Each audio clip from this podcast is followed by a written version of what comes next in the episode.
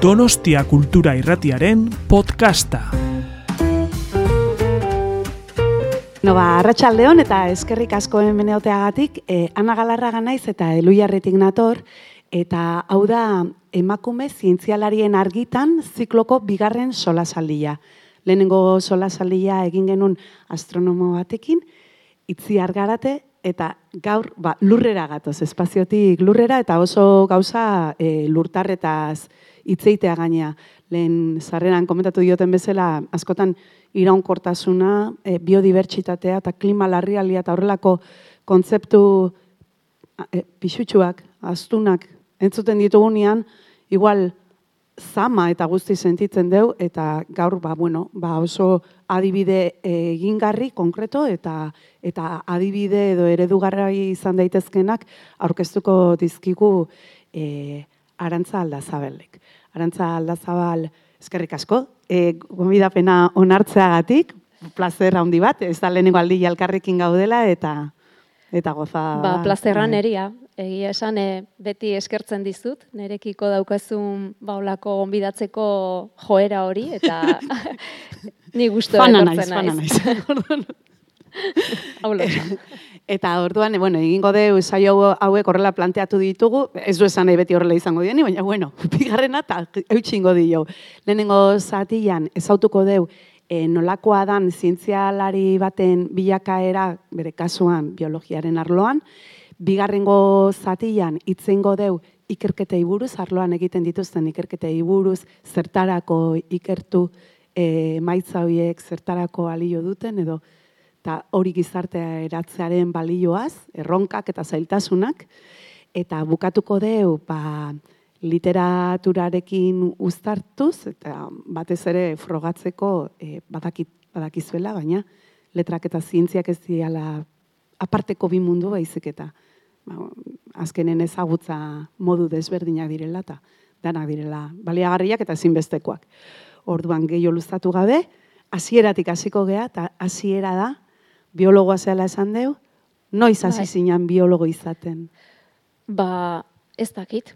E, benetan e, biologia edo nik berez biologia egiteko arrazoia naturzaletasuna zen, eta naturzaletasun horren barruan esango nuke e, animaliak baino landarea eta eta mendiak, bai? Mendi zaletasun eta landare zaletasunak.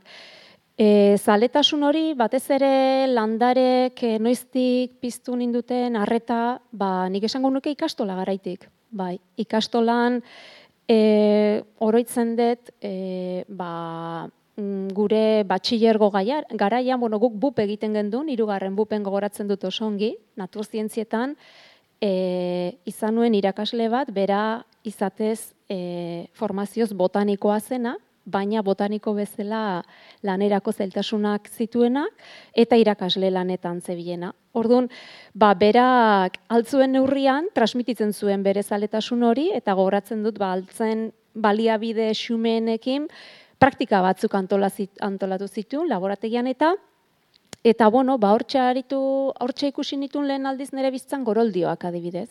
Eta e, bueno, ba izugarria irutu zitzaidan. Gainera kuaderno bat egin arrasten zigun, nik marrazketarako izugarrizko zaletasuna neukan eta marrazkia egiten nahi nuen ikusten nuen hori perfektu egin eta ohartzen nintzen ba e, ba hori ez, ikusten ari nintzen horrekin, pixka flipatzen ari nintzela. Orduan, e, nire ustez hor piztu zen zeo zer? Naturalista klasiko, bai, klasiko, bai, bai, klasikoak, ez da?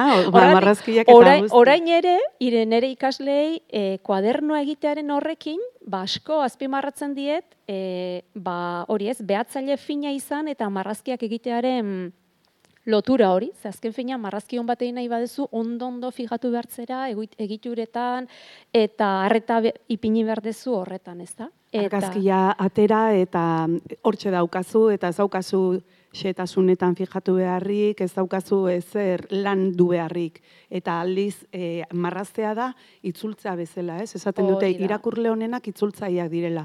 Hori da. Egin behar dutelako irakurri eta gero beste hizkuntza batera eraman ba, berdina gertatzen da marraztean, ez da? Bai, azken finean, marrazketa horrekin interpretazio bat ari zara lantzen, ja lan pertsonal bat egiten, ez? Eta nik esango nuke hortxe, piztu zitzaidala gogo hori. E, gero, e, irakasle honek, eta izena botako dut, ze ba, berezia izan zen, Iñaki Aizpuru da bere izena, bera, bere bitartez arantzadi ezagutu nuen, arantzadi zientzialkartea, eta unibertsitatean hasi aurretik, e, ba, edo hasi hortxe pare hortan, dagoeneko ni hasi nintzen, ba, arantzadiko botanikoekin lanean. Orduan, beste privilegio bat izan zen, botanikoekin batera landareak ikasi alizatea, e, ez plegule horretan, baizik landareak azten diren lekuan bertan, ez? Eta hor ja, e, bigarren nolabaiteko e, mm, arridura eta azken finean ere jakin mina gehiago piztu zuen eta zan landarea bere ingurunearekin, ez? Eta horren inguruan guztia horreke pentsarazten dizun guztia. Eta gero ikustea landare asko beste hainbat landarekin nolabait elkarte baten bizi direla eta elkarte horiek errepikatzen direla eta bueno, patroiak, ez da. Bueno, hortik e, e, aukera izan nuen lantxo bat baztango florarekin egiteko, Nafarroan e, ba, flora, katalogo floristiko egiteko aukera zeukatelako momentu horretan arantzadin, eta dagoeneko, ba, baia, unibertsitatean hasi nintzen, Eta, bueno, ba, unibertsitate bide horretan ere, e, izan nituen irakasle batzuk, eta irakasle horien bitartez, UEU ezagutu nuen. Orduan, UEUk aukera eman zidan, e, nolabait, e, ba, nik e, aurreko urtetan deskubritu nuen guzti hori nolabait transmititzeko e, ba, ba ni bezalako zaletasunak zituzten eh, gainera euskaraz, ez? Orduan, lotura sortu zen unibertsitatea, euskara, e, natura, bueno, Urraldetasunare bai, egueuk Euskal Herri osoan ematen dulako. Hori da, hori da. Eta, eta gainera, hasi-hasieratik esango nuke berdinetik berdinerako harreman bat sortu zela, ez? Eta eta ohartu nintzen berehala egin zidatela hitzaldi bat emateko gonbidapena eta eta bueno ba ez dakit inkonstienteki ausartu eta baietz esan ordun ba ordu eta alako baten ba ikasle izatetik hitzaldi bat ematera nire irakasleen aurrean izan zen hori ueuk eman zidan eta horrekin niganako konfiantza niganako e, ba ez dakit e, Guain alduntze ez Alduntze hori, bai, ba, ba hortxe bizi izan nuen, ez da? Eta horrek nire ustez alduntze hori, ausardi hori edo niganako konfiantza horrek asko eragindu gero ikerketa bidea jarraitzeko. Ze ikerlari izan nahi baduzu, ba hoxe, ausarta eta zuganako konfiantza zugan sinistu behar dezu, bestela nahiko bide zaila eta korapilatxua izaten da, ez? Eta, eta gero, ba, unibertsitatea amaitzen ari nintzela, ba, ba sindrome bat ez, kintitis deitzen zana, eta esan, eta oain zer, zer gertatuko da nire bizitzarekin, eta izan zen ba beste kasualitate hutsa e, ikusi nuela e, iragarkien taula batetan, ba, e, Pirineotako larren ekologiari buruzko ikastaro bat eskentzen zela e, jakako ba, Instituto Pirineiko de Ekologia ikerketa zentru batean.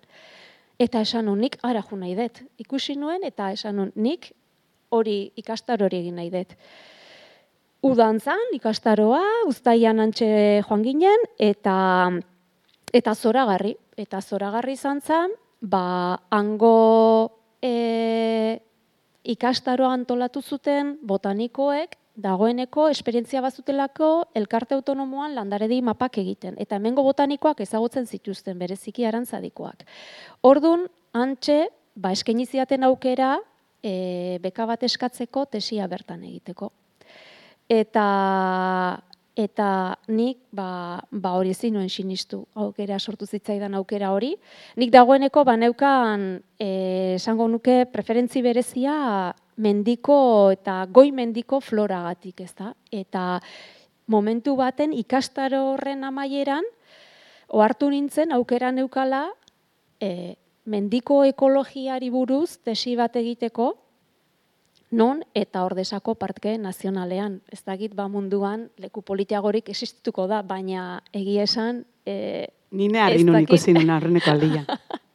bai, bai. Ba, ba bueno, pentsa ze, zer nolako esperientzia eta ze privilegio izan den, ba, ba ikerketa olako eremu baten egitea, ez? Eta eta zer eta bertako sistema gainera e, politena izan zen, ja, e, pentsa, ni hasi nintzen landare mundutik, gero landareak eta ingurunea, ingurunea bereziki mendia, mendiko ekologia zan e, deigarrien egiten zitzaidana, eta ordesako parke naturalean, nazionalean barkatu, aukera izan nuen, landare horiez elikatzen ziren herbiboroekin lan egiteko. Ja zen, e, ari nintzen pixka bat, sare trofiko horretan, gehiago sakontzen, ez? Eta, eta bertan baztertu nuen, bertako ungulatuek, hau da, bai, e, txeko abereek, ezta, ardiek, behiek, eta untzek, eta bertako basauntzak sarrioak, ba, egiten duen, e, lurralde edo habitatera bilera, beraien dieta, beraien portaera, eta e, orte, ortseia pixkat bideratu nuen e, ba, nere ikerketa hori ez da. Eta, bueno, ba, ba, tesia maituta, e, Euskal Herriratu nintzen, eta bi urtez edo ibili nintzen, neikerren, e, ba, hori, nekazaritza e, ikerketarako zentru honetan, eta ordurako ja pixka bat begirari nintzen, ba, unibertsitatean, ba, irakasle plazarik sortuko zen, eta eta aukerak izan dituen, ba, hasieran ordezkapenak, ondoren kontratu temporalak eta bar, eta polikinaka lortu nuen ba, unibertsitatean e, irakasle iraunkor bezala sartzea, eta uztartzea ikerketa. Eta gustatzen zaizu irakasle lan horire bai. Zu gaina jaso zendunez behin eta berriro bultzada hori, ez da, irakasle interes handia zeukatenak eta lagundu nahi zutenak eta horrek nik uste dut, ez? Bai, Gero, bai, bai, dudik gabe. Dula baitare horretarako gogua edo. Bai, e, irakaskuntza, bai, asko gustatzen zait. E, gaur egun gaina usartuko nitzake esatera askoz ere satisfazio gehiago ematen ditela irakaskuntzak ikerketa berak baino. Ze ikerketa komplexua da, komplexua da eta eta finantziazioaz gain eh oso mundu lehiakorra bihurtu da, e, mm, lasterketa baten zaudela dirudi, lasterketa horretan askotan e, indar hartzen duten arauek eta jokabideek ba, egia esan zer pentsatu ematen dute, eta aldiz, ba, irakaskuntzan eta, eta, eta ikasleekin, ba, basko ba, ikasten dut, asko ikasten dut, disfrutatzen dut, eta oso konstiente naiz beti, e, asko dutela emateko.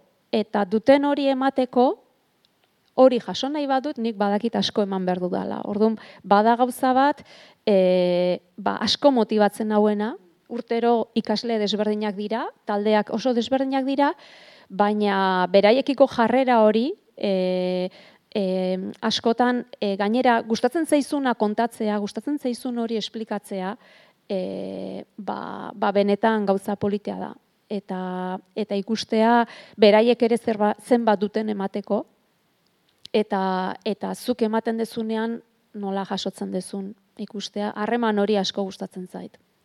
Eta ikerketa mundutik orduan motivazioa frenatzen dizuna edo behintzat e, zailtasuna handiena orduan aipatu duzu batetik finanziazioa eta bestetik dauden balioak e, o balio falta. E, portaeratan eta bai. eta mundu horretan mugitzeko ba, bai. egin behar diren hoxe. Bai, ba, bai, bai. E, hori da. E, egia esan e,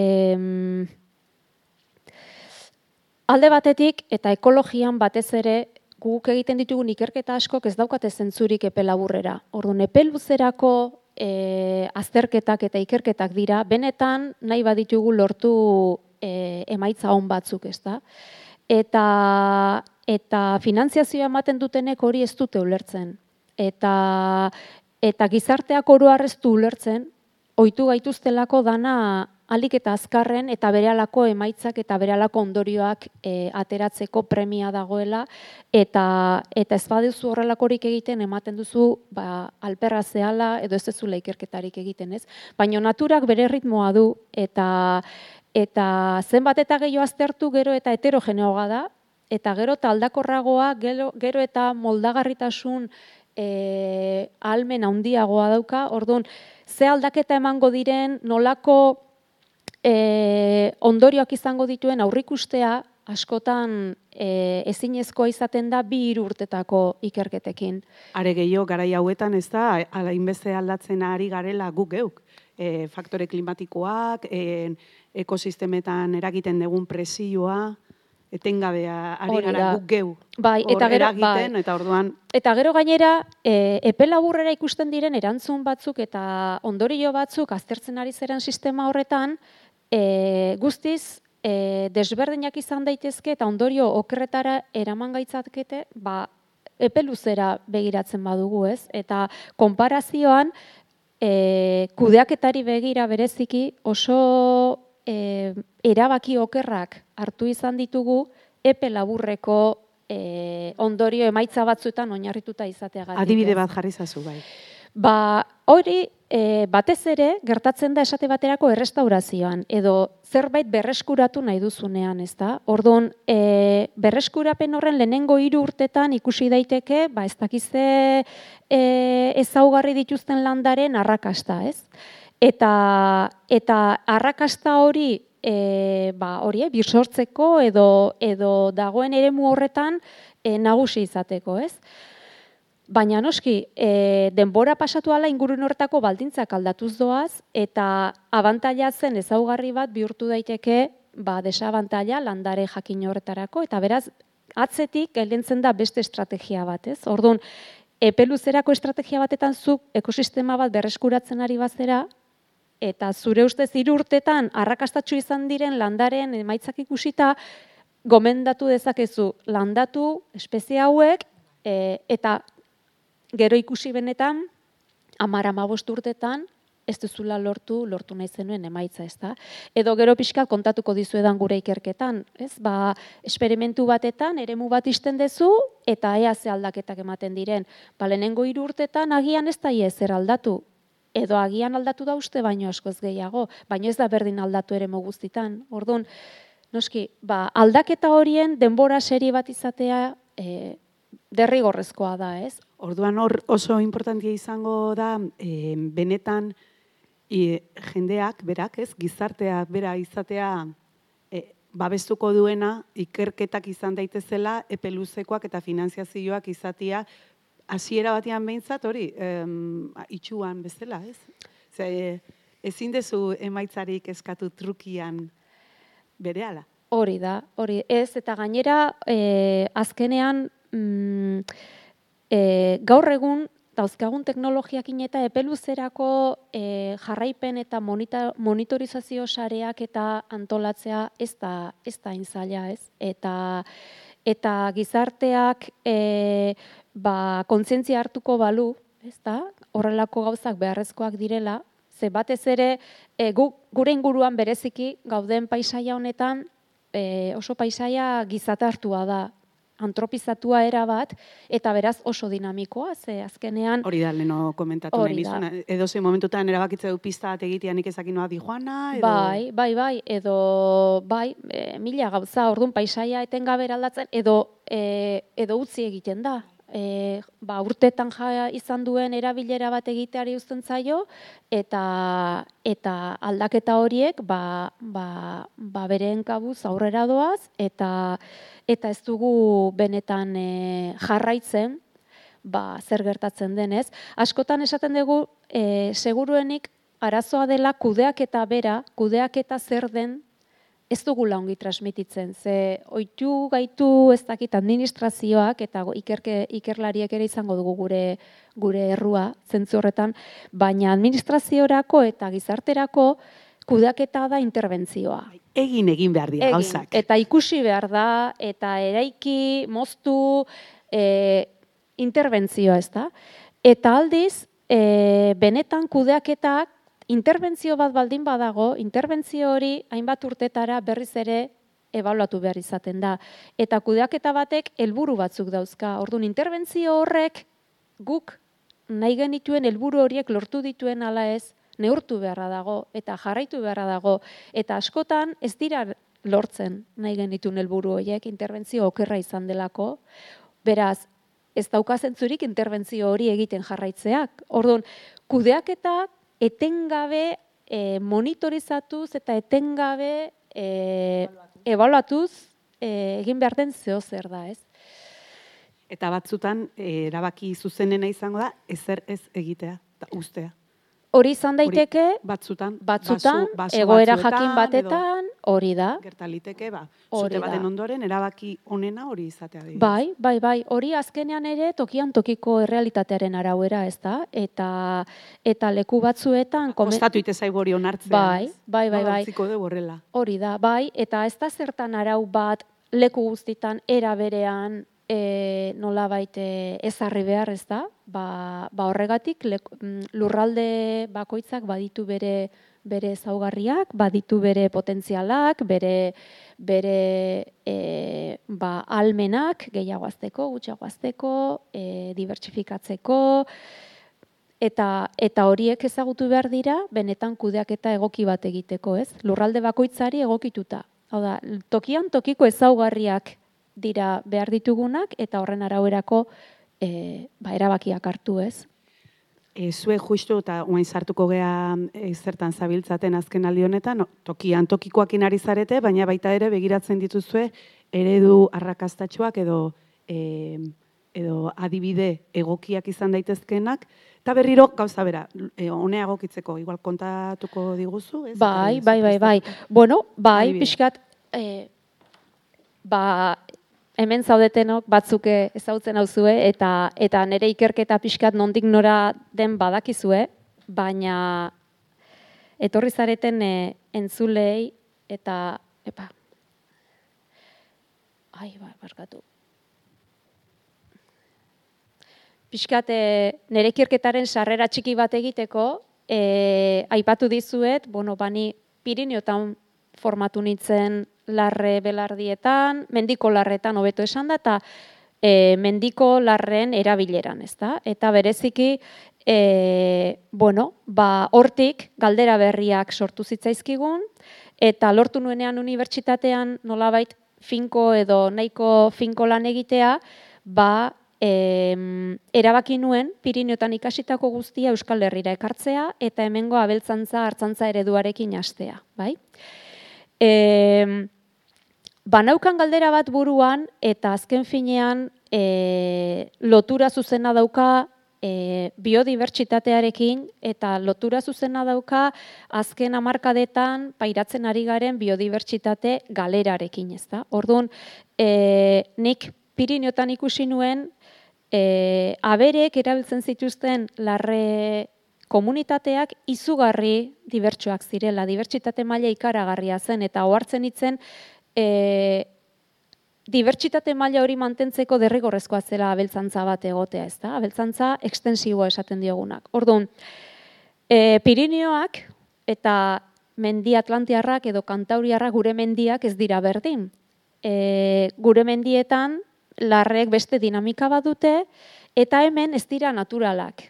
Hemen mendiko larreak seminaturalak dira, esan nahi dut gure mendiko larreak azten diren eremuetan berez e, pagadiari jandako eremuak dira, bai? Eta horrek esan nahi du, e, belardi larre hauek utziz gero, seguruenik polikinaka urte askotan pagadia ezarriko zela hemen, bai? Semi naturalak esaten diogu, beraz, e, giza eraginez mantentzen diren larre motak direlako. Pirineotan ez da hori gertatzen 2000 iruro metrotik gora larreak, larre iraunkorrak dira eta naiz eta e, abeltzantza desagertu alt, e, nolabait altitude batetik gora beti mantenduko da larrea basoak ezin dulako bertan hasi, bai? Baina hau ez da gure kasua. Hemengo menditan e, larre hauek ez dira naturalak zentzu horretan.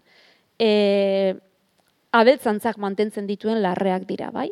Eta orduan, e, ba, pentsatu nuen, oinarritik hasteko gure lehenengo galdera, ez? E, planteatzea, eta ikustea zer gertatuko litzateken gure mendietan, ba, mendiko larre hauetan hartzantza desagertuko balitz. Eta horretarako itxiturak egitea erabaki gendun, bai?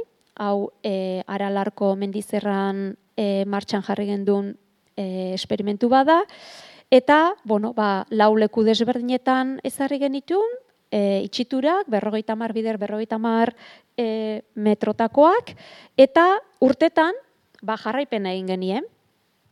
Jarraipen hau, e, oso, e, bueno, jarraipen hau mugatuta egon zen finantziazioagatik. Ze azken finean urtero urtero e, neurketa guztiak hartzea ezinezkoa zen eta polikinaka joan ginen gauzak eta gehiago, gero eta gauza gehiago neurtzen, ezta? Baina, noski, ikusteko nolako aldaketak ematen diren e, horrelako esperimentu batetan itxitura iraunkor bat e, ezartzen duzunean, ba behar duzu neurtu komposizio floristikoa, belarraren bertan azten den belarraren kalitate nutritiboa, belar geruzaren lodiera, lurtzoruaren ezaugarri fisiko-kimikoak, lurtzoruko temperaturak eta lurtzoruan bizi diren mikroorganismoen jarduera eta dibertsitatea beste gauza askoren artean, bai? Eta hori dana modu paralelo batetan eta simultaneo batetan egin behar izaten da itxitura barruan eta itxitura kanpoan, ezta? Bueno, ba zorionez, 2005ean lortu gendun e, itxitura hauek eraikitzea, Ez duzu esiniztuko, baina une horretan e, diru laguntza jaso gendun e, ba, Eusko Jaularitzatik alde batetik eta unibertsitateko proiektu batetik bestetik, eta baita izan gendun Gipuzkoako diputazioko babesa. Eta ez dakizuela nortzegoen diputazioan teknikari lanetan. Bainak eizpuru nire naturzientzitako irakasleak. Bai? Izan zen, ba, bizitzaren beste kasualitate bat, eta eta nola bueltatzen diren gauzak eta noski ba Inakiren laguntzaz e, ba hau guztia eraiki zen 2005ean eta Gero, guk, e, bueno, finantziazioarekin, eta bereziki Gipuzkoako diputazioarekin arazo batzuk izan genitun, baino erabaki gendun guk gai ginela beste iturri batzuetatik dirua lortzeko, eta bakar-bakarrik behar genduna zen errespetatzea. Gure itxitura hauek eta tarteka mantentzelanak egitea. Eta horretan, ba, enirio e, aralarreko man komunitateko gure ba, lagunik onena, konfiantzazko gure josan, bertako guarda nagusiak, ba hori ziurtatu digu noiz eta gaur egun arte. Bai, ordun itxitura hauek dagoeneko oraindik ere existitzen dira, sartzen bazarete Google Mapsen edo Google Earthen ikusi egiten dira, ze pixkanak aldatzen doaz, eta ikusten dira barruko hori ba, ba desberdin dela ez. Hemengo argazkian seguraski ere antzemango duzue pixka bat e, kanpokaldean berde argixeagoa, eskuinan gure itxitura hau da, eh? Hau da, itxitura eta eta bueno, lore gehiago ikusten dira barrukaldean eta bueno, esan bezala, ba ba hori, ez? Jarraipen sistematikoa eta diseinu zientifiko batekin atzetik. Eta urtero ezin bazen dena jarraitu, bost urtetik behin edo altzana, bai? Baina epe luzera. Epe luzera aldan neurrian. Hau esate baterako hori da, Josean gure laguntzaile fina eta berari esker ere hainbat urtez e, lortu duguna itxitura hauek bertan mantentzia. Eta e, ba, 2000 bostean ere ziren, 2000 amarrean ikusten da e, nolako aldaketak somatzen ziren dagoeneko lurtzoruaren egituraketan. Ez? Goikoan ikus dezakezue itxitura barruan, hau da abereak sartzen ez diren eremuan nolako lurtzorua e, dagoen garatuta, bereziki lehenengo amabost e, zentimetro horietan, materia organikoa nola ari den metatzen, e, bela, e, bertako espezien sustraien dentsitatea horrelako isolamendu e, geruza ikaragarri e, ba, e, lodi bat, eta aldi zau da, abereak dabiltzan ere muan daukagun lurtzorua. E, nolabait askoz ere konpaktatuagoa eta esango gonduke e, ba, finagoa ez da. Eta honek ekartzen ditu ba, e, aldaketa e, ugari bereziki lurtzoruaren funtzionamentuan eta lurtzoru horren gainean bizi diren landareetan, ez? Bueno, hemen e, beste argazki bat, ustut 2012koa dela, hau da oiduiko gure itxitura eta eta gaur egun esan dezazuket ez dela ja ez dela la remota berdina. Itxitura jarri zenean bi, e, bi aldetan etzen diferentzierik ikusten eta gaur egun itxitura barruan dagoena ja ez da kanpoko mendiko larre hori, baizik momentu honetan e, e, gramineoek erabat hartutako eremua da, iratzea asko zabaldu da eta e, izugarri aldatu da bai? Beste lekuetan, beste itxituretan aldaketak e, mantxoago ari dira ematen, eta horregatik esaten dut lekuaren heterogeneitate hori zein garrantzitsua denez. Bueno, ba, gauza da, gure ikerketak e, nolabait, ba, ama e, bost urte eta gero, bost, e, bost urte ondoren egin genitun konparaketa batzuk, eta ja, komposizio floristikoan, desberdintasunak ikusi genitun, espezien dibertsitatean, bai, ikusi gendun, e, itxitura barruan espezie dibertsitatea jetxi egin zela, bost e, urte horietan. Lurtzoru trinkotzea zen nolabait e, ba, balioetan e, okerrena larratze ere muan, hau da, trinkotzea leku batzuetan e, haundi xamarra zen, badago muga bat eta muga horretatik gora sustraiak ezin dira ongi garatu, eta beraz horregatik gorriz e, jartzen dizuet temperatura, lurtzoruko temperaturan izugarrizko desberdintasunak somatu genitun, eta hori batez ere e, ba, ba, mm, geruza isolatzaile horren eraginez gertatzen da, orduan lurtzoruko temperatura freskoagoa eta egonkorragoa zen itxitura barruan, eta e, bueno, ba, ba horrek ekartzen du aldi berean, pixkat materia organikoaren deskomposaketa ere motelago ematea, ezta? Beraz, e, elikagaien zikloan eragiten du, eta bar.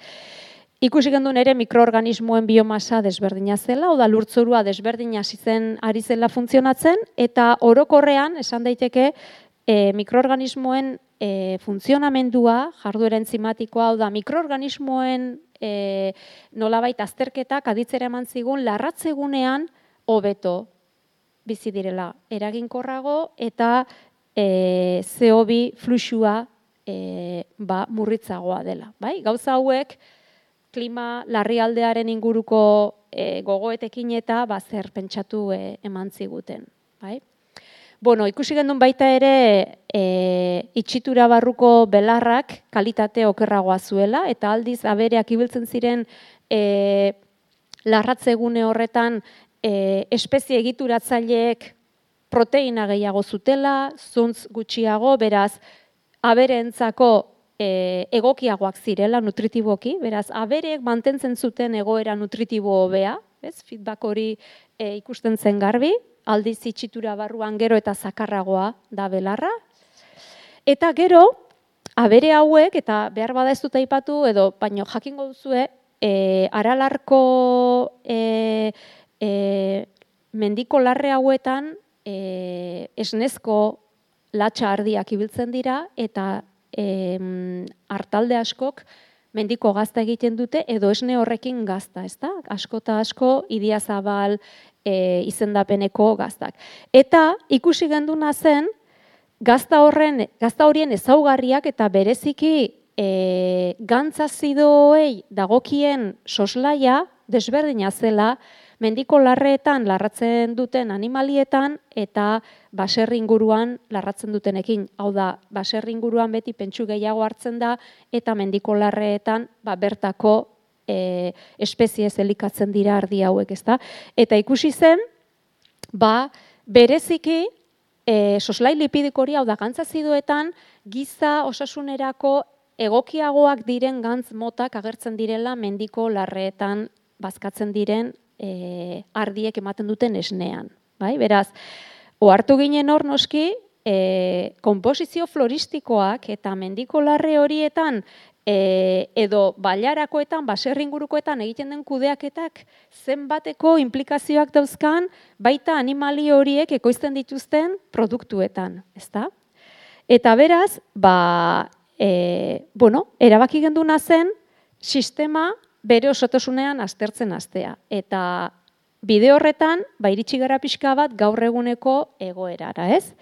Hau da, ba, esaten dizuet, hau da, 2012koa, ba, ba, ordutik, ia marurte pasa dira, eta denborak esango digu, baina denbora aurrera doa, eta eta gure itxitura barruko horiek aldatuz doaz, ezta?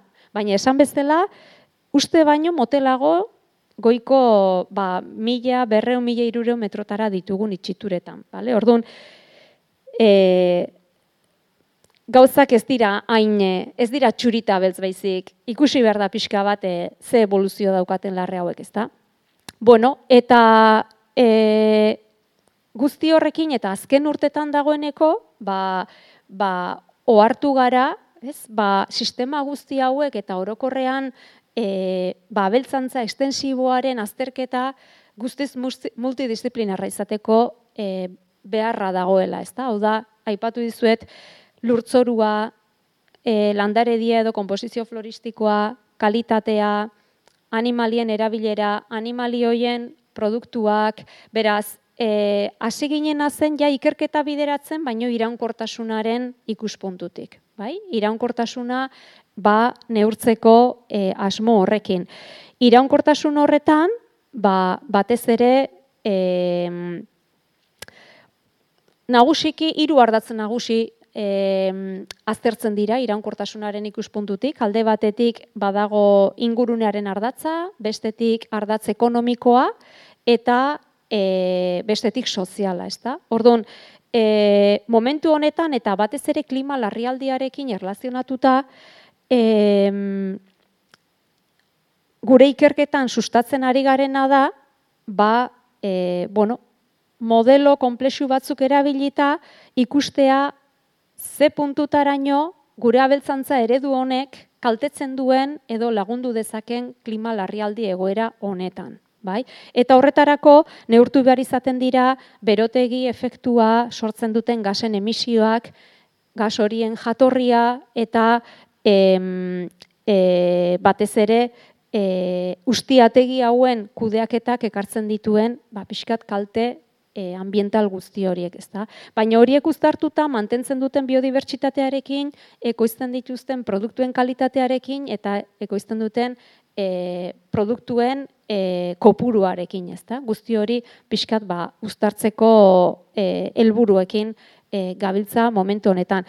Eta bereziki e, demostratu nahi duguna da oinarrian e, biodibertsitatea dagoela, bai? Ze biodibertsitate e, hau da, landareen eta belardi, larre belardi hauetan dagoen biodibertsitateak nolabait e, eragiten du animalien dietan, dieta horretatik liseriketaren bidez nolabait em, emitituko duten gas metano kopuruan,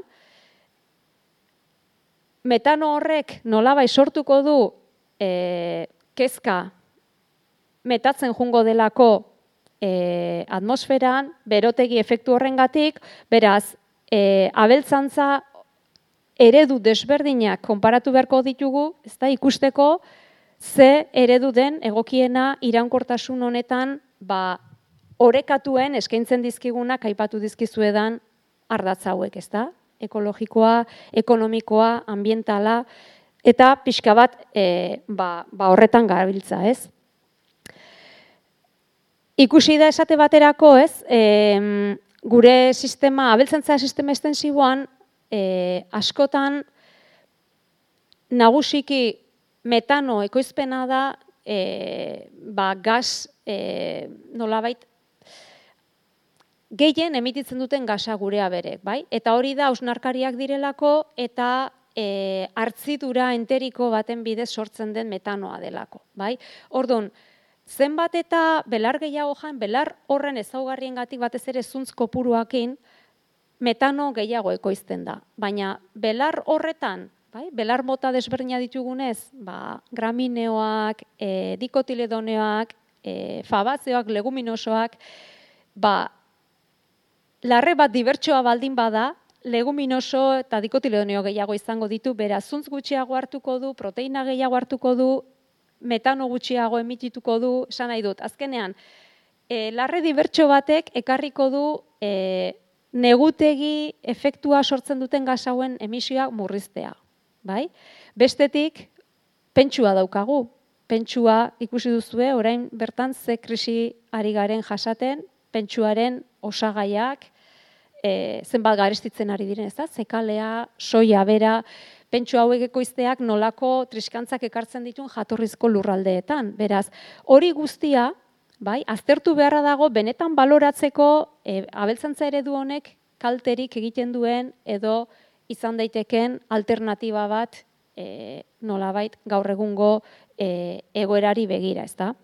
Eta alternatiba hitz egiten, ba, bueno, e, pixka bat e, hitzez azaldu nahi izan dizuedana da zein konplexua den e, ba, abereen edo abeltzantza sistema baten e, ba, urte osoko ziklo bat irudikatzea, ez? Eta ziklo horretan nolabait ematen diren kudeaketa eta ematen diren arlo guztiak e, nolabait uztartzea, ez? Eta bueno, ba, irudi honetan ikus dezakezue oso modu eskematikoan ze gas mota diren e, nolabait e, isurtzen direnak eta pixka bat ba, ba ze jatorri, ez da?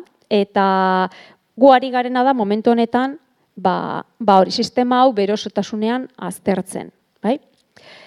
Bilatzeko esan bezala alternativa egokienak, bai? Esaten dena abeltzaintza iraunkorrena eta e, oberen uztartzen edo orekatzen dituena lehen aipatu dizkizu edan ardatz horiek, bai? Aztu gabe ingurunea eta biodibertsitatea. Bueno, hortartean ere badakizue badagoela Europako e, nekazaritzarako diru laguntzak, pak e, politika, nekazaritza politikak, Eta, eta horrek ere gaur egun ez du askorik laguntzen, baina, baina bueno, baita ere e, ba, ari dira edo ari gera alternatiba batzuk planteatzen diru laguntza horiek desberdin e, banatzeko. Eta hau da pixka bat, e, duela gutxi ezagutu dugun e, ba, proiektu bat ez gara gu honetan ari, eh? baina ipatu dizudan bezala e, gure ikerketekin bilatzen duguna da alternatiba. Alternatiba, kudeak eta alternatiba desberdinak eta e, nolabait izan daitezkenak e, ba, ba, guretzat jarraitzeko moduko ereduak. Bai? Hau da polifarmin e, proiektu europear bat, live proiektu bat da, eta e, berez ikusiko duzue e, iraunkortasunean oinarrituriko sistema agrosilbo pastoral bada, e, mendi ingurune mediterranearreko mendi alde e, horretan pixka bat e, egokitua. Bai? Ikusiko dugu bideo txiki bat, pena da, gazteleraz dago, ez dago euskeratuta e, bideo laburrau, eta e, behin bideo ikusita pixka bat gustatuko litzaidake zuei galdetzea ea zer nolako e, alternatiba ikusten duzuen eta eta bideragarria ote den olako zeo zer gure gana ekartzea, bai, eskualde Atlantiarrera ekartzea. La explotación forestal, la ganadería extensiva, especialmente la transhumante, y la agricultura a pequeña escala han modelado el paisaje del Mediterráneo durante siglos. Sin embargo, desde la década de los 50 se ha producido un importante abandono de fincas en zonas de montaña mediterránea. Este abandono tiene un gran impacto ambiental, dado que los suelos se degradan con más rapidez, disminuye la biodiversidad animal y vegetal y se pierde la capacidad de almacenar carbono atmosférico. En este contexto nace Polyfarming, un proyecto de agricultura regenerativa cofinanciado con el programa LIFE de la Comisión Europea. El proyecto lo lideramos desde el Centro de Investigación Catalán CREAF y Planeses, donde está en marcha a escala real. En el proyecto Polyfarming integramos una serie de técnicas innovadoras con el objetivo de recuperar la rentabilidad en espacios de montaña mediterránea que en este momento están en proceso de abandono. Planeses es una finca de agricultura regenerativa ubicada en Cataluña, en la comarca de la Garrocha. La granja está rodeada de bosque, tiene parcelas de prado en la que pastan pollos, conejos y vacas y también dispone de un huerto. Allí se trabaja y se valora en el día a día la gestión agrosilvopastoral que propone el proyecto. El proyecto Polyfarming se basa en un sistema plurifuncional que combina los recursos que ofrece el bosque, el ganado y los cultivos para recuperar un suelo fértil y rentable. Existen muchas técnicas agrícolas prometedoras que pueden ayudar a mejorar la rentabilidad de las fincas, pero en Polyfarming no las recopilamos sin más, sino que establecemos sinergias entre el aprovechamiento agrícola, el ganadero y el forestal. En el sistema Polyfarming, el bosque es una fuente de recursos esencial, los subproductos del aprovechamiento forestal como restos de corta, claras y limpieza de sotobosque se utilizan para obtener diversos productos que enriquecen el suelo, como un carbón vegetal denominado biochar, un compost de alto contenido nutritivo conocido como BRF, biofertilizantes o troncos que servirán para realizar un cultivo sobre camas de madera. Estas técnicas, además de mejorar la fertilidad del suelo, son una gran oportunidad para mitigar el cambio climático tanto para secuestrar en el suelo la gran cantidad de carbono atmosférico que contiene la biomasa forestal, como para aprovechar mejor el agua. En el sistema polyfarming el ganado también juega un papel clave para gestionar las actividades de la finca. Trabajamos con pollos, gallinas, conejos y vacas. Los animales pequeños viven en corrales móviles que se mueven diariamente. Así disfrutan de un pasto limpio cada día, a la vez que enriquecen el pasto y el huerto con sus excrementos. Los prados más grandes se gestionan con vacas empleando el pastoreo intensivo programado. Con esta técnica, los animales pastan cada día en una parcela diferente y tardan entre 25 a 70 días en volver a una parcela en la que ya han comido.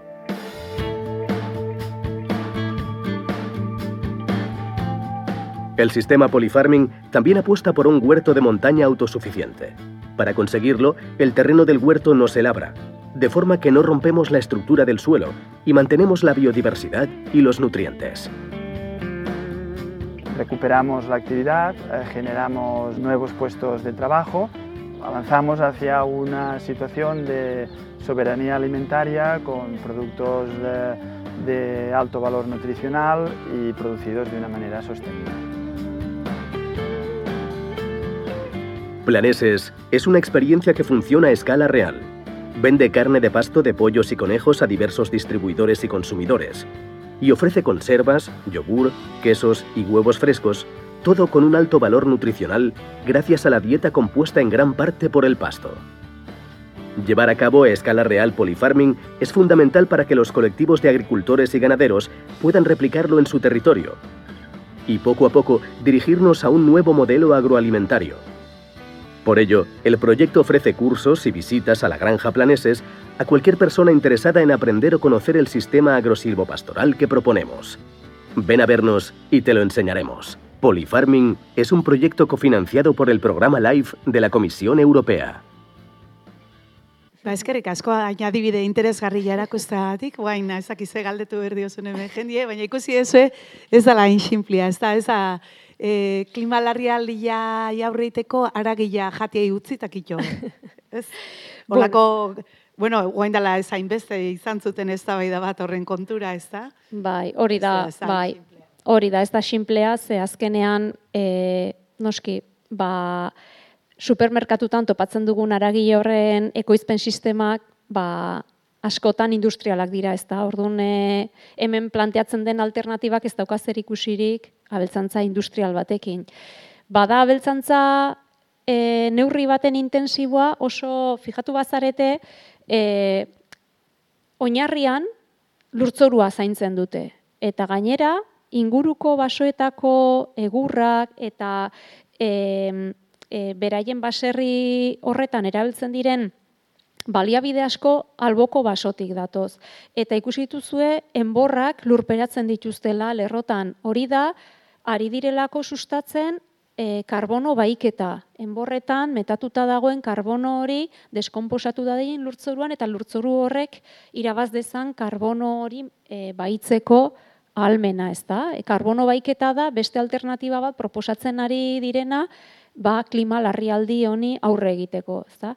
Gero, ikusi dezue, erabat zuzendutako larratze badela. E, partzela txikitan daukate guztia, dana da mugikorra, eta egunero mugitzen da ganadua. E, bai, bai, bai, da, oso deitzen diote e, larratze, larratze programatua.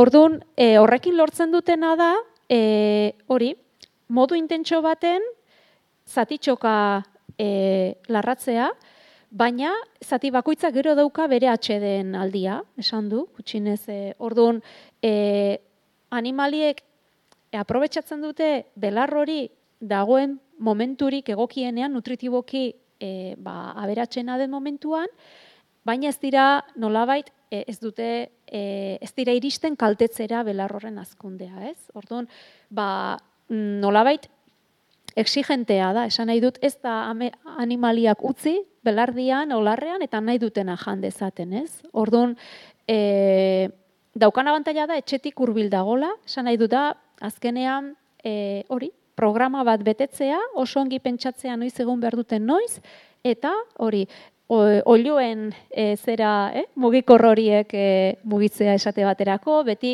azpikalde hori garbi euki dezaten, bueno, ba, e, eta gero nolako biofertilizanteak ez, e, erabiltzen dituzten, nola e, egia ekarri dugu bideorik laburrena, baino badago bat amasei minutuko ikusten dena ongi, nola egiten dituzten biotxart eta e, aipatzen dituzten biofertilizante guzti horiek, eta eta benetan ze gauza gutxirekin topa daitezke e, ba, konponbideak, ezta? Gero eta e, autosufizienteagoak izateko eta pixka bat gero eta horren oinarrian hori da, burujabetza, elikadura burujabetza esan du. Hori da, hori da. Eta ba, gauza bat urgentea, ez? Ikusten bai, hori da. Noski, galdetzen dizuet zuen eskualdean e, ikusten duzue horrelako e, alternatiba bat egokitu daitekela gure kantauri alde honetara. Ze, badakigu hemen e, daukaguna da lur erabileran ba, ba beti basogintzarekin, ez? Baso eta belardien arteko leia hori ez da. Eta hemen ez da planteatzen leia, erabiltze, era, planteatzen dena da erabilera osagarri bat, ez? Baina noski, hemengo basoak ez dira e, egur ekoizpen, bere horretan egurra ekoizteko landatuak, ez da? Bertako basoa da, hartadiak ziren, eta, eta erabiltzen da, egurra mozten da, eta, eta ustiatzen da, baina baserriaren erabilerarako, ez? Eta, eta aldiz hemen, ba, nik pertsonalki ikusten deten e, arazo handiena da, pixkat, e, basotzalekin, basogintza politikan, nolabait ere, ba, eragin beharko gondukela horrelako alternatiba bat. Baina begira gauza kuriosoa da, bueno, kuriosoa, azkenean e, momentu honetan ez dauzkagun arazoak e, eukaliptadiekin, pinudiekin, e, asko, e, jabego pribatua dute, baserritar asko ari dira galdetzen zer egin dezakegu behin pinua botata zer ingo deu, ze azkenean pinua e, ontioak jota baldin badau, e, moztu, baina leku horretan zer jarriko dugu? Eta eta eta pentsatzen dut e, egokia litzatekela nahi duenari behintzat horrelako alternatibak erakustea eta landatzeko edo birsortu behar badu baso bat, ba ondo pentsatzeko zer birsortu agian zatitxok egin dezake, zati batzuetan jarditzake azkunde azkarreko espeziak, beste, baina pixkanaka e, gehiago integratu e, baserriaren erabilera horretan ez da, eta ez hainbeste egurraren industriari begira eta eta abar. Eta hori dana pixka lekuan, lekuko ezaugarriak errespetatuz eta zesta berdin urdaibai baten edo edo ba, goierrin, ez da? igual, Nafarruan eta Araban eh, basua komunalak diala igual erresago da Gipuzkoan eta Bizkaian baino. Bai, edo beste aukera bada ere, bueno, herri lurrekin abiatzea. Lurre nolabait horrelako planteamentuak egitea, el herri lurren pixka konplizitate edo e, babes horrekin, ez da? Hasia daude ez, ez honetarako, ez erabiltzeko e, baserriaren ekoizpenerako, baina bai eukaliptadiai aurre egiteko eta e, bueno, udalak ere, udal batzuk ere, ari dira erosten basoak bestera bateko landaketak egiteko.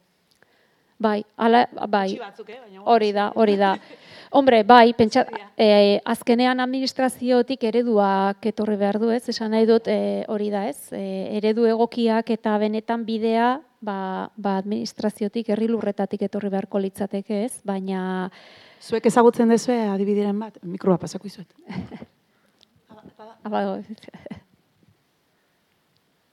Ze zuei galdetu izue. bai. Bai, bota, bota. Eh, bueno, nik galdera batzuk ditut, baina, bueno, e, gero kutsiko dugu, ez da? Oain, esan dira zue, ez zautzen aldegun, Bila. bai, eh? ez ez, baina, bueno, txen, a ber, bazpare, eh, zera, ez zautu, bai, eh, hor erakutsi diguzun, zera, eh, olioak eta lekuz aldatzen eta hori horrein dainen egiten da. Eh, badago ze bat, edo sarri bat, eta hori bakarrik ez, gero beste gauza asko ere, bai, gero, eh, mm, dainen gauza asko itituzue, egila da hori. Nien naiz, nien naiz bertakoa, eh? Nien izangoa, baina, bueno, aukera izan nuen, ezautu nuen, hori. Bueno, nik ezautu nuen e, ustiategiaren sorrera. Eta lehenengo fasea, eta oain ez dakit nola egongo dan, ja, e, galdu dut harremana, baina oso, osea, oso iraultzailea zan guretzat, gara hartan, eta, baina, bueno, bai, e, olako gauzak, bai, eta gero gainera, ura hau eta aprobetsatzeko, ureztatzeko eta kanal batzuk, e, haiek gainera nahi zuten leku aldapatxu bat. Ez oso aldapatxua, baina, e, zera, e, laua ez, laua ez omen da egokia, gero ura behar bezala banatzeko, eta, zera, eta, oize, mendi malda baten, han, jarri zuten, e, nik ikusi duen jarri berria, eta ez da ze bilakaera izan duen, baina olako gauzak bai. E, zera, eta guretzat oso zera, berria zan, ba, e, zera, e, oiategiak eta leku aldatzeak eta eta oso gauza praktiko bat, zera. Eta gero beste zea, e, zuk esan dezun hori ganaduak eta leku aldatu eta e, berriz hasierako lur zatira itzultzeko ba, denbora bat pasatzen dala eta bidartean belarra e, errekuperatzen dala eta zea hori aspalditik egiten da hemen aldan bezala. E, zea, e, hori zea da, zera, guk esaten genion, e, larratze e, rotazionala, zuk beste hitz bat erabilezu, Bai. baina e, uste dut gauza bera dala, ezta?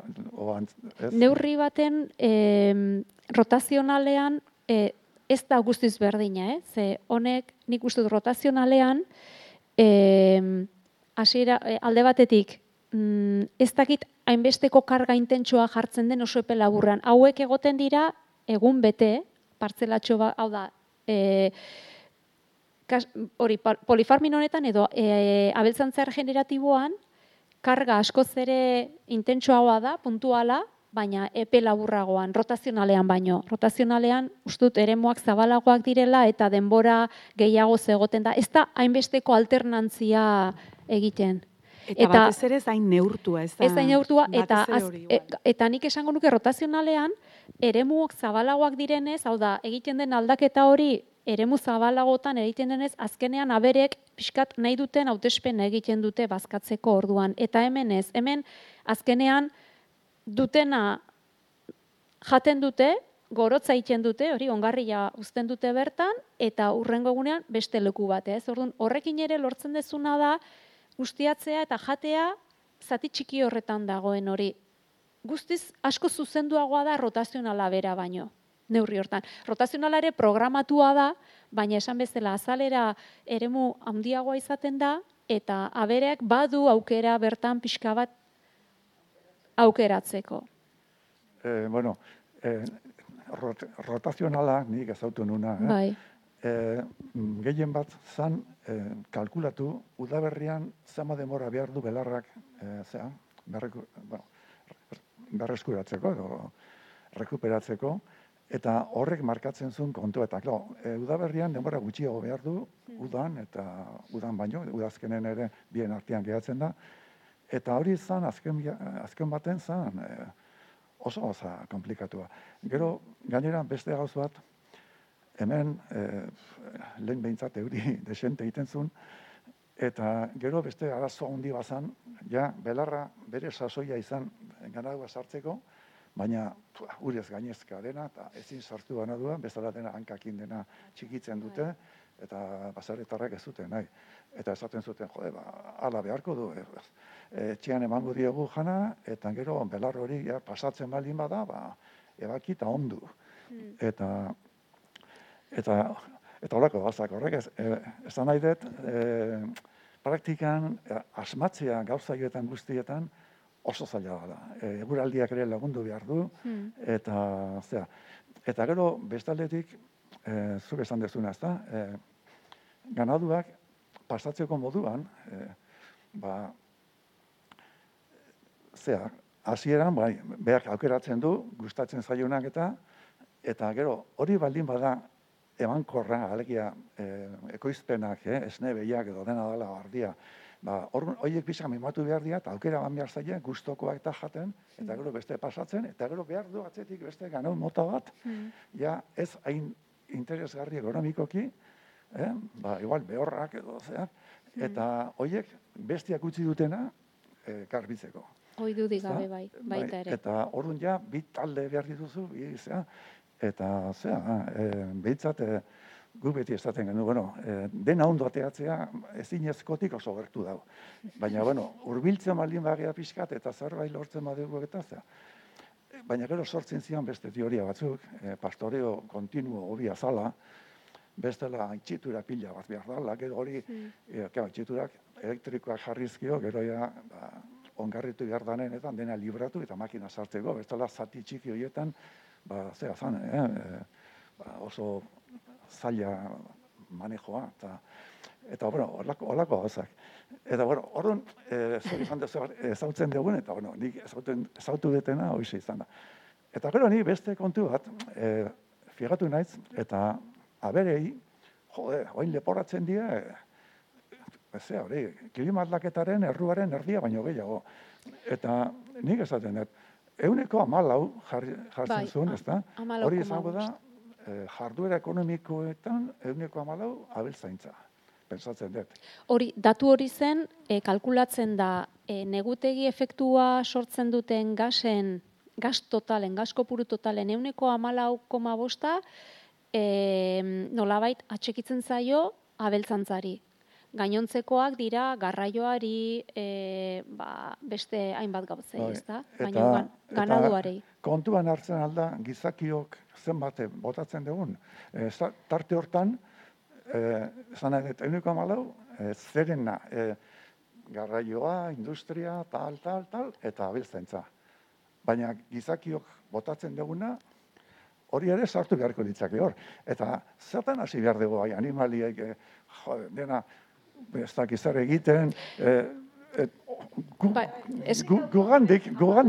Bai, beitu, e, kalkula, baina, gainera segurazki gainestimatuta dago, eh, datu hori. Baina, bueno, gauza da, datu hauek e, faok ematen ditu mundu mailako erakunde honek, ezta? Eta orduan, kalkulatzen dutena da, azkenean, e, nondik datoz isuriak, ez? Ze gasak diran, eta isuri horiek nondik datozen. Orduan, e, e, sortzen diren, hau da, iturri desberdin guzti horietatik, orokorrean abeltzaintzari esleitzen zaizkio amalau koma bost, e, mm, euneko amalau koma bosta. Ba, isurtzen diren, e, ba, gas efektu hori guztiena, ezta? Eta hor sartzen dute abeltzantza mota guztia.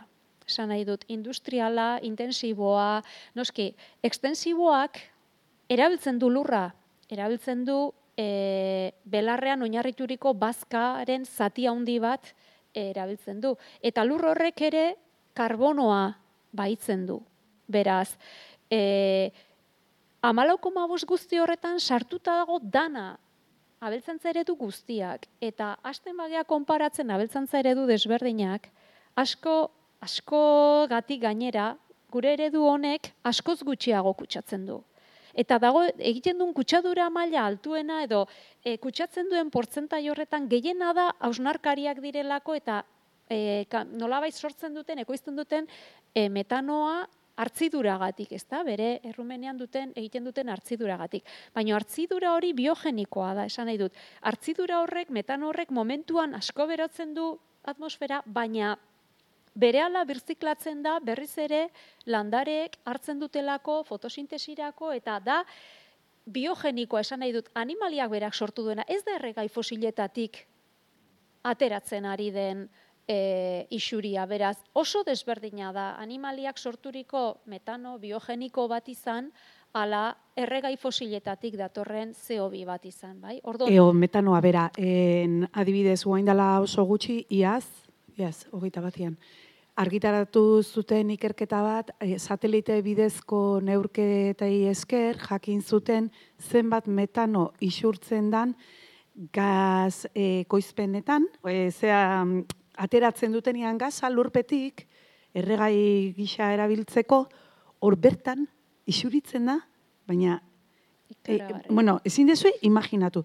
Ta hori ez dago inun jasota, ze satelite bidez egin zuten hain justu ezin zehalako urreatu.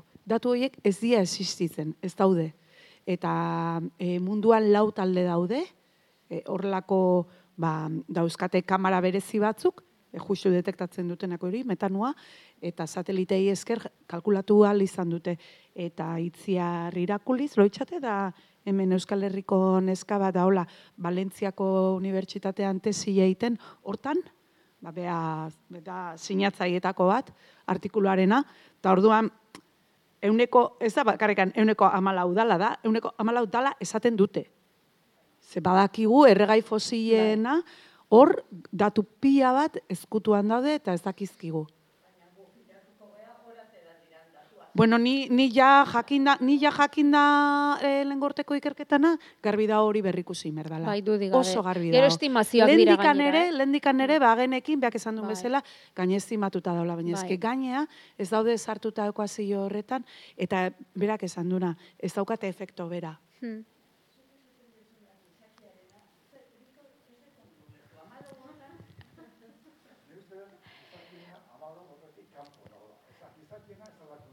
Bai, Gizakiena da industriak, ez da? O? Ez, arnasa. Gu, e, boa, gu, gu asko gehalako, bestela, Kao, ez ez, baina gu asko gea, baina guk ez dugu hausnarkarien metabolismo berdina, eh? Ba, baina ez, ez, ez. ez. Oan, gehiagi galare, bai, superpopulazioa e, arazo bada, ingurumenerako oroar eta klima larrialdirako ere bai, noski. Eta biodibertsitaterako eta daneako plaga. bai. Bai. Ez, eh, bueno, a, a, Hombre, kontsumo eta bizitza ohitura batzuk aldatzea hori, hori da, ondo legoke. alderdi horretatik gehiago. Ez, Eh, biologikoki asko gehalako, baina biologikoki ez gea hain. Eh, bueno, baina hori baino gehiago da, eh, ematen dian soluzio simple hoiek esaten dutela. Ba, orduan e, genetikoki eraldatuko ditugu behiak, esate bateako, ba, e, metano gutxillo sortu dezaten. Eta horrelako e, gauzak planteatzen dituzte normalak balia bezala. Claro, adana jakin da, ze soluzio klase da hori, ez? Ez Hori- gauza da, a ber, e, abeltzantza e, eta bereziki abeltzantza estensiboa inundik ere ez da klimaren larrialdearen etxaia. Justu kontrara, e, momentu honetan, e, aragi ekoizpenerako alternatibarik egokiena litzateke. Zein da bere problema ekoizpen maila? Betikoa, azkenean, e, bilatzen duguna da asko ekoiztea alik eta modu merkenean. Orduan, horrek ekartzen badu, e, ba, biodibertsitatea modu negatiboan eragitea. Em, e, kalitatea asko galtzea. Berdin digu gauza da, asko ekoiztu, berdin du zerren truke eta merke. Bai? Orduan, e, abeltzantza estensibo batek ekoizten du maila basuagoan kalitatezko produktuak eta gainera karbonoa baitzen du, erabiltzen du lurrean. Eta mantentzen du paisaia dibertso bat, biodibertsitatea mantentzen du. Biodibertsitatea mantentzearen onurak ikaragarriak dira. E, maila guztitan, ba, Gaixotasunak adibidez, Gaixotasunak, ez? e, Oangels, polinizatzaileak eh, esate baterako, polinizatzaileak frutarboletan jaten ditugun hainbat e, ba, em, e, gau- gauzetan, elikagaietan duten eragina, e, Karo, guzti hori galtzen uzten badugu paisaia hau itxi egingo da, gero beste kontu bat, e, demagun abeltzantza desagertzen dela.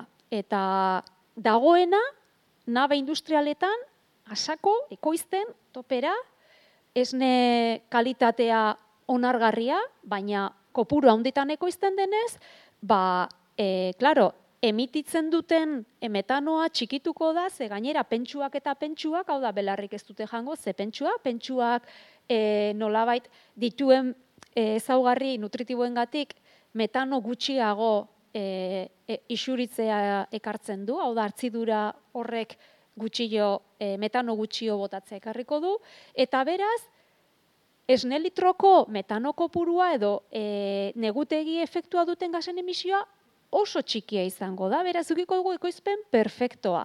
Bitartean, paisaia zeharo aldatuko zaigu hasiko da, isten basoa zabaltzen, sastrakadia zabaltzen, etorriko dira suteak. Etorriko da basa fauna, zerbiboroak, orkatzak, oreinak, basurdeak, e, basafaunak beteko du abeltzen estensiboaren lekuak, eta basafaunak ere jaten du eta metanoa isurtzen du, eh? Beraz, abeltzantza estensiboa desagertuta ez da desagertzen metano ekoizpena, ze abeltzantza horrek betetzen duen eremua e, herbiboro basatiek beteko duten neurri baten.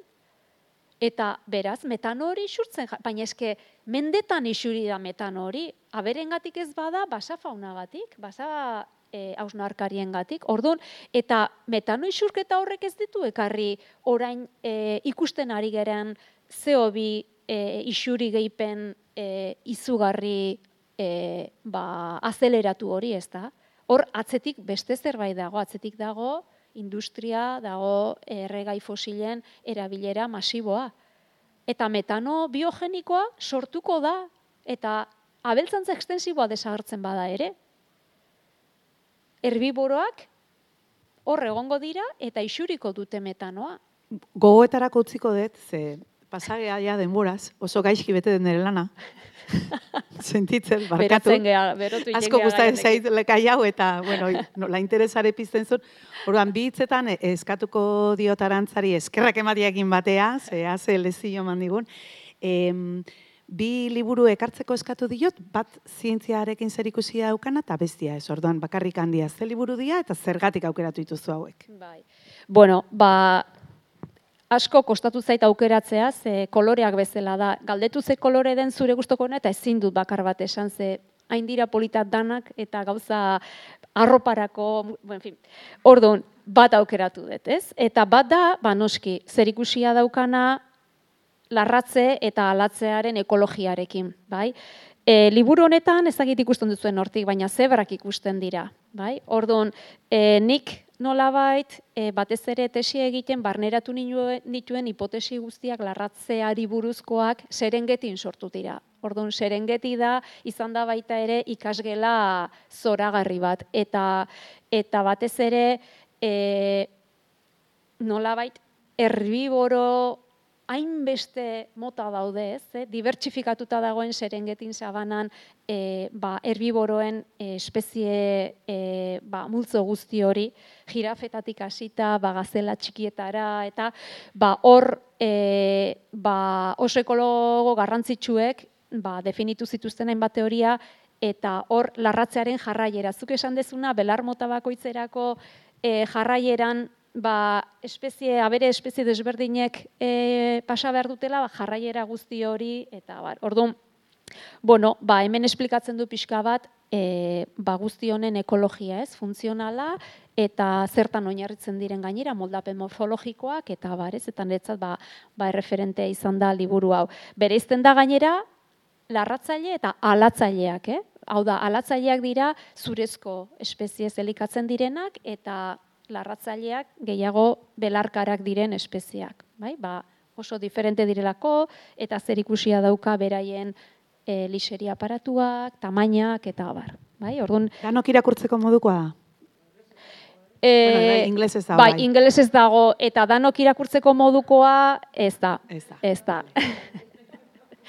ez da, ez ez dago itzulita, ez, ez, ez, ez, bueno, gehien, gehien bai, bai, bai, bai, ez, eta gero, bueno, den, ala, divulgatiboa den. Ez da divulgatiboa, ez. Ez da, pixkate, biblia bat bezala, baino larratzaileen ekologiaz, ba, pixkate, ba, ba, interesa dugun ontzat, ez, edo ez, ez da, ez da divulgaziozkoa, ez, ez. Hori da. Eta literatura, ba, ba bueno, ba, egia esan, ba, asko markatu nagoen idazle baten narrazioak, Joseba Sarriona Indiaren liburuak. Ba, ba zergatik, ba, gozatu dudalako. Gozatu dudalako liburu honekin, eta bere hainbat liburuekin eta orokorrean gozatu dut berarekin eta eta potu bandako ba, beste idazle eta musikariekin ez da, bereziki, ba, Bernardo Atxaga eta Ruper Ordorikarekin.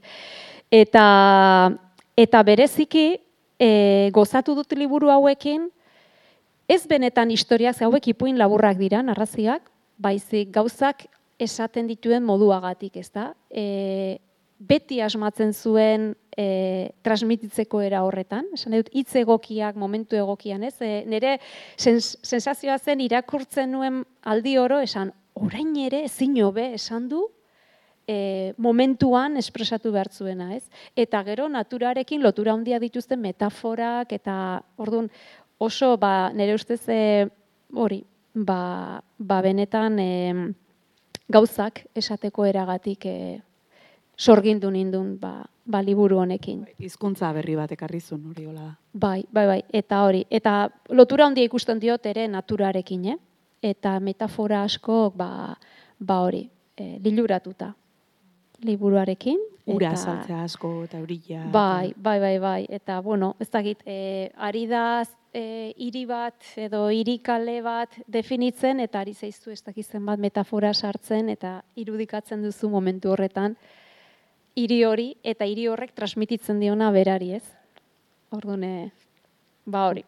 Ba bukaera paregabia mandio gorduan. Maixua transmititzen. Eskerrik asko benetan arantza, bueno, gozatu hartu deu eta ba, zer pentsatu eman diguzu. Eta ba, primera, agindu dizen, lurtarra izango zala asuntua. ba, Ulertu bat. Alde horretatik, ondo ez izer gezurrik esan. Denbora ez dut respetatu, baina... Espero dut ez oso teknikoa izana, eta pixka bat igual luzatu edo korapilatu naiz e, azalpenetan, baina baina egokia izan bada, ba, posten naiz. Azken galdera da nahi ba ezu, eta ja. Ez? Listo? Ba, txalo, bezere. Eskerrik asko. Eskerrik asko.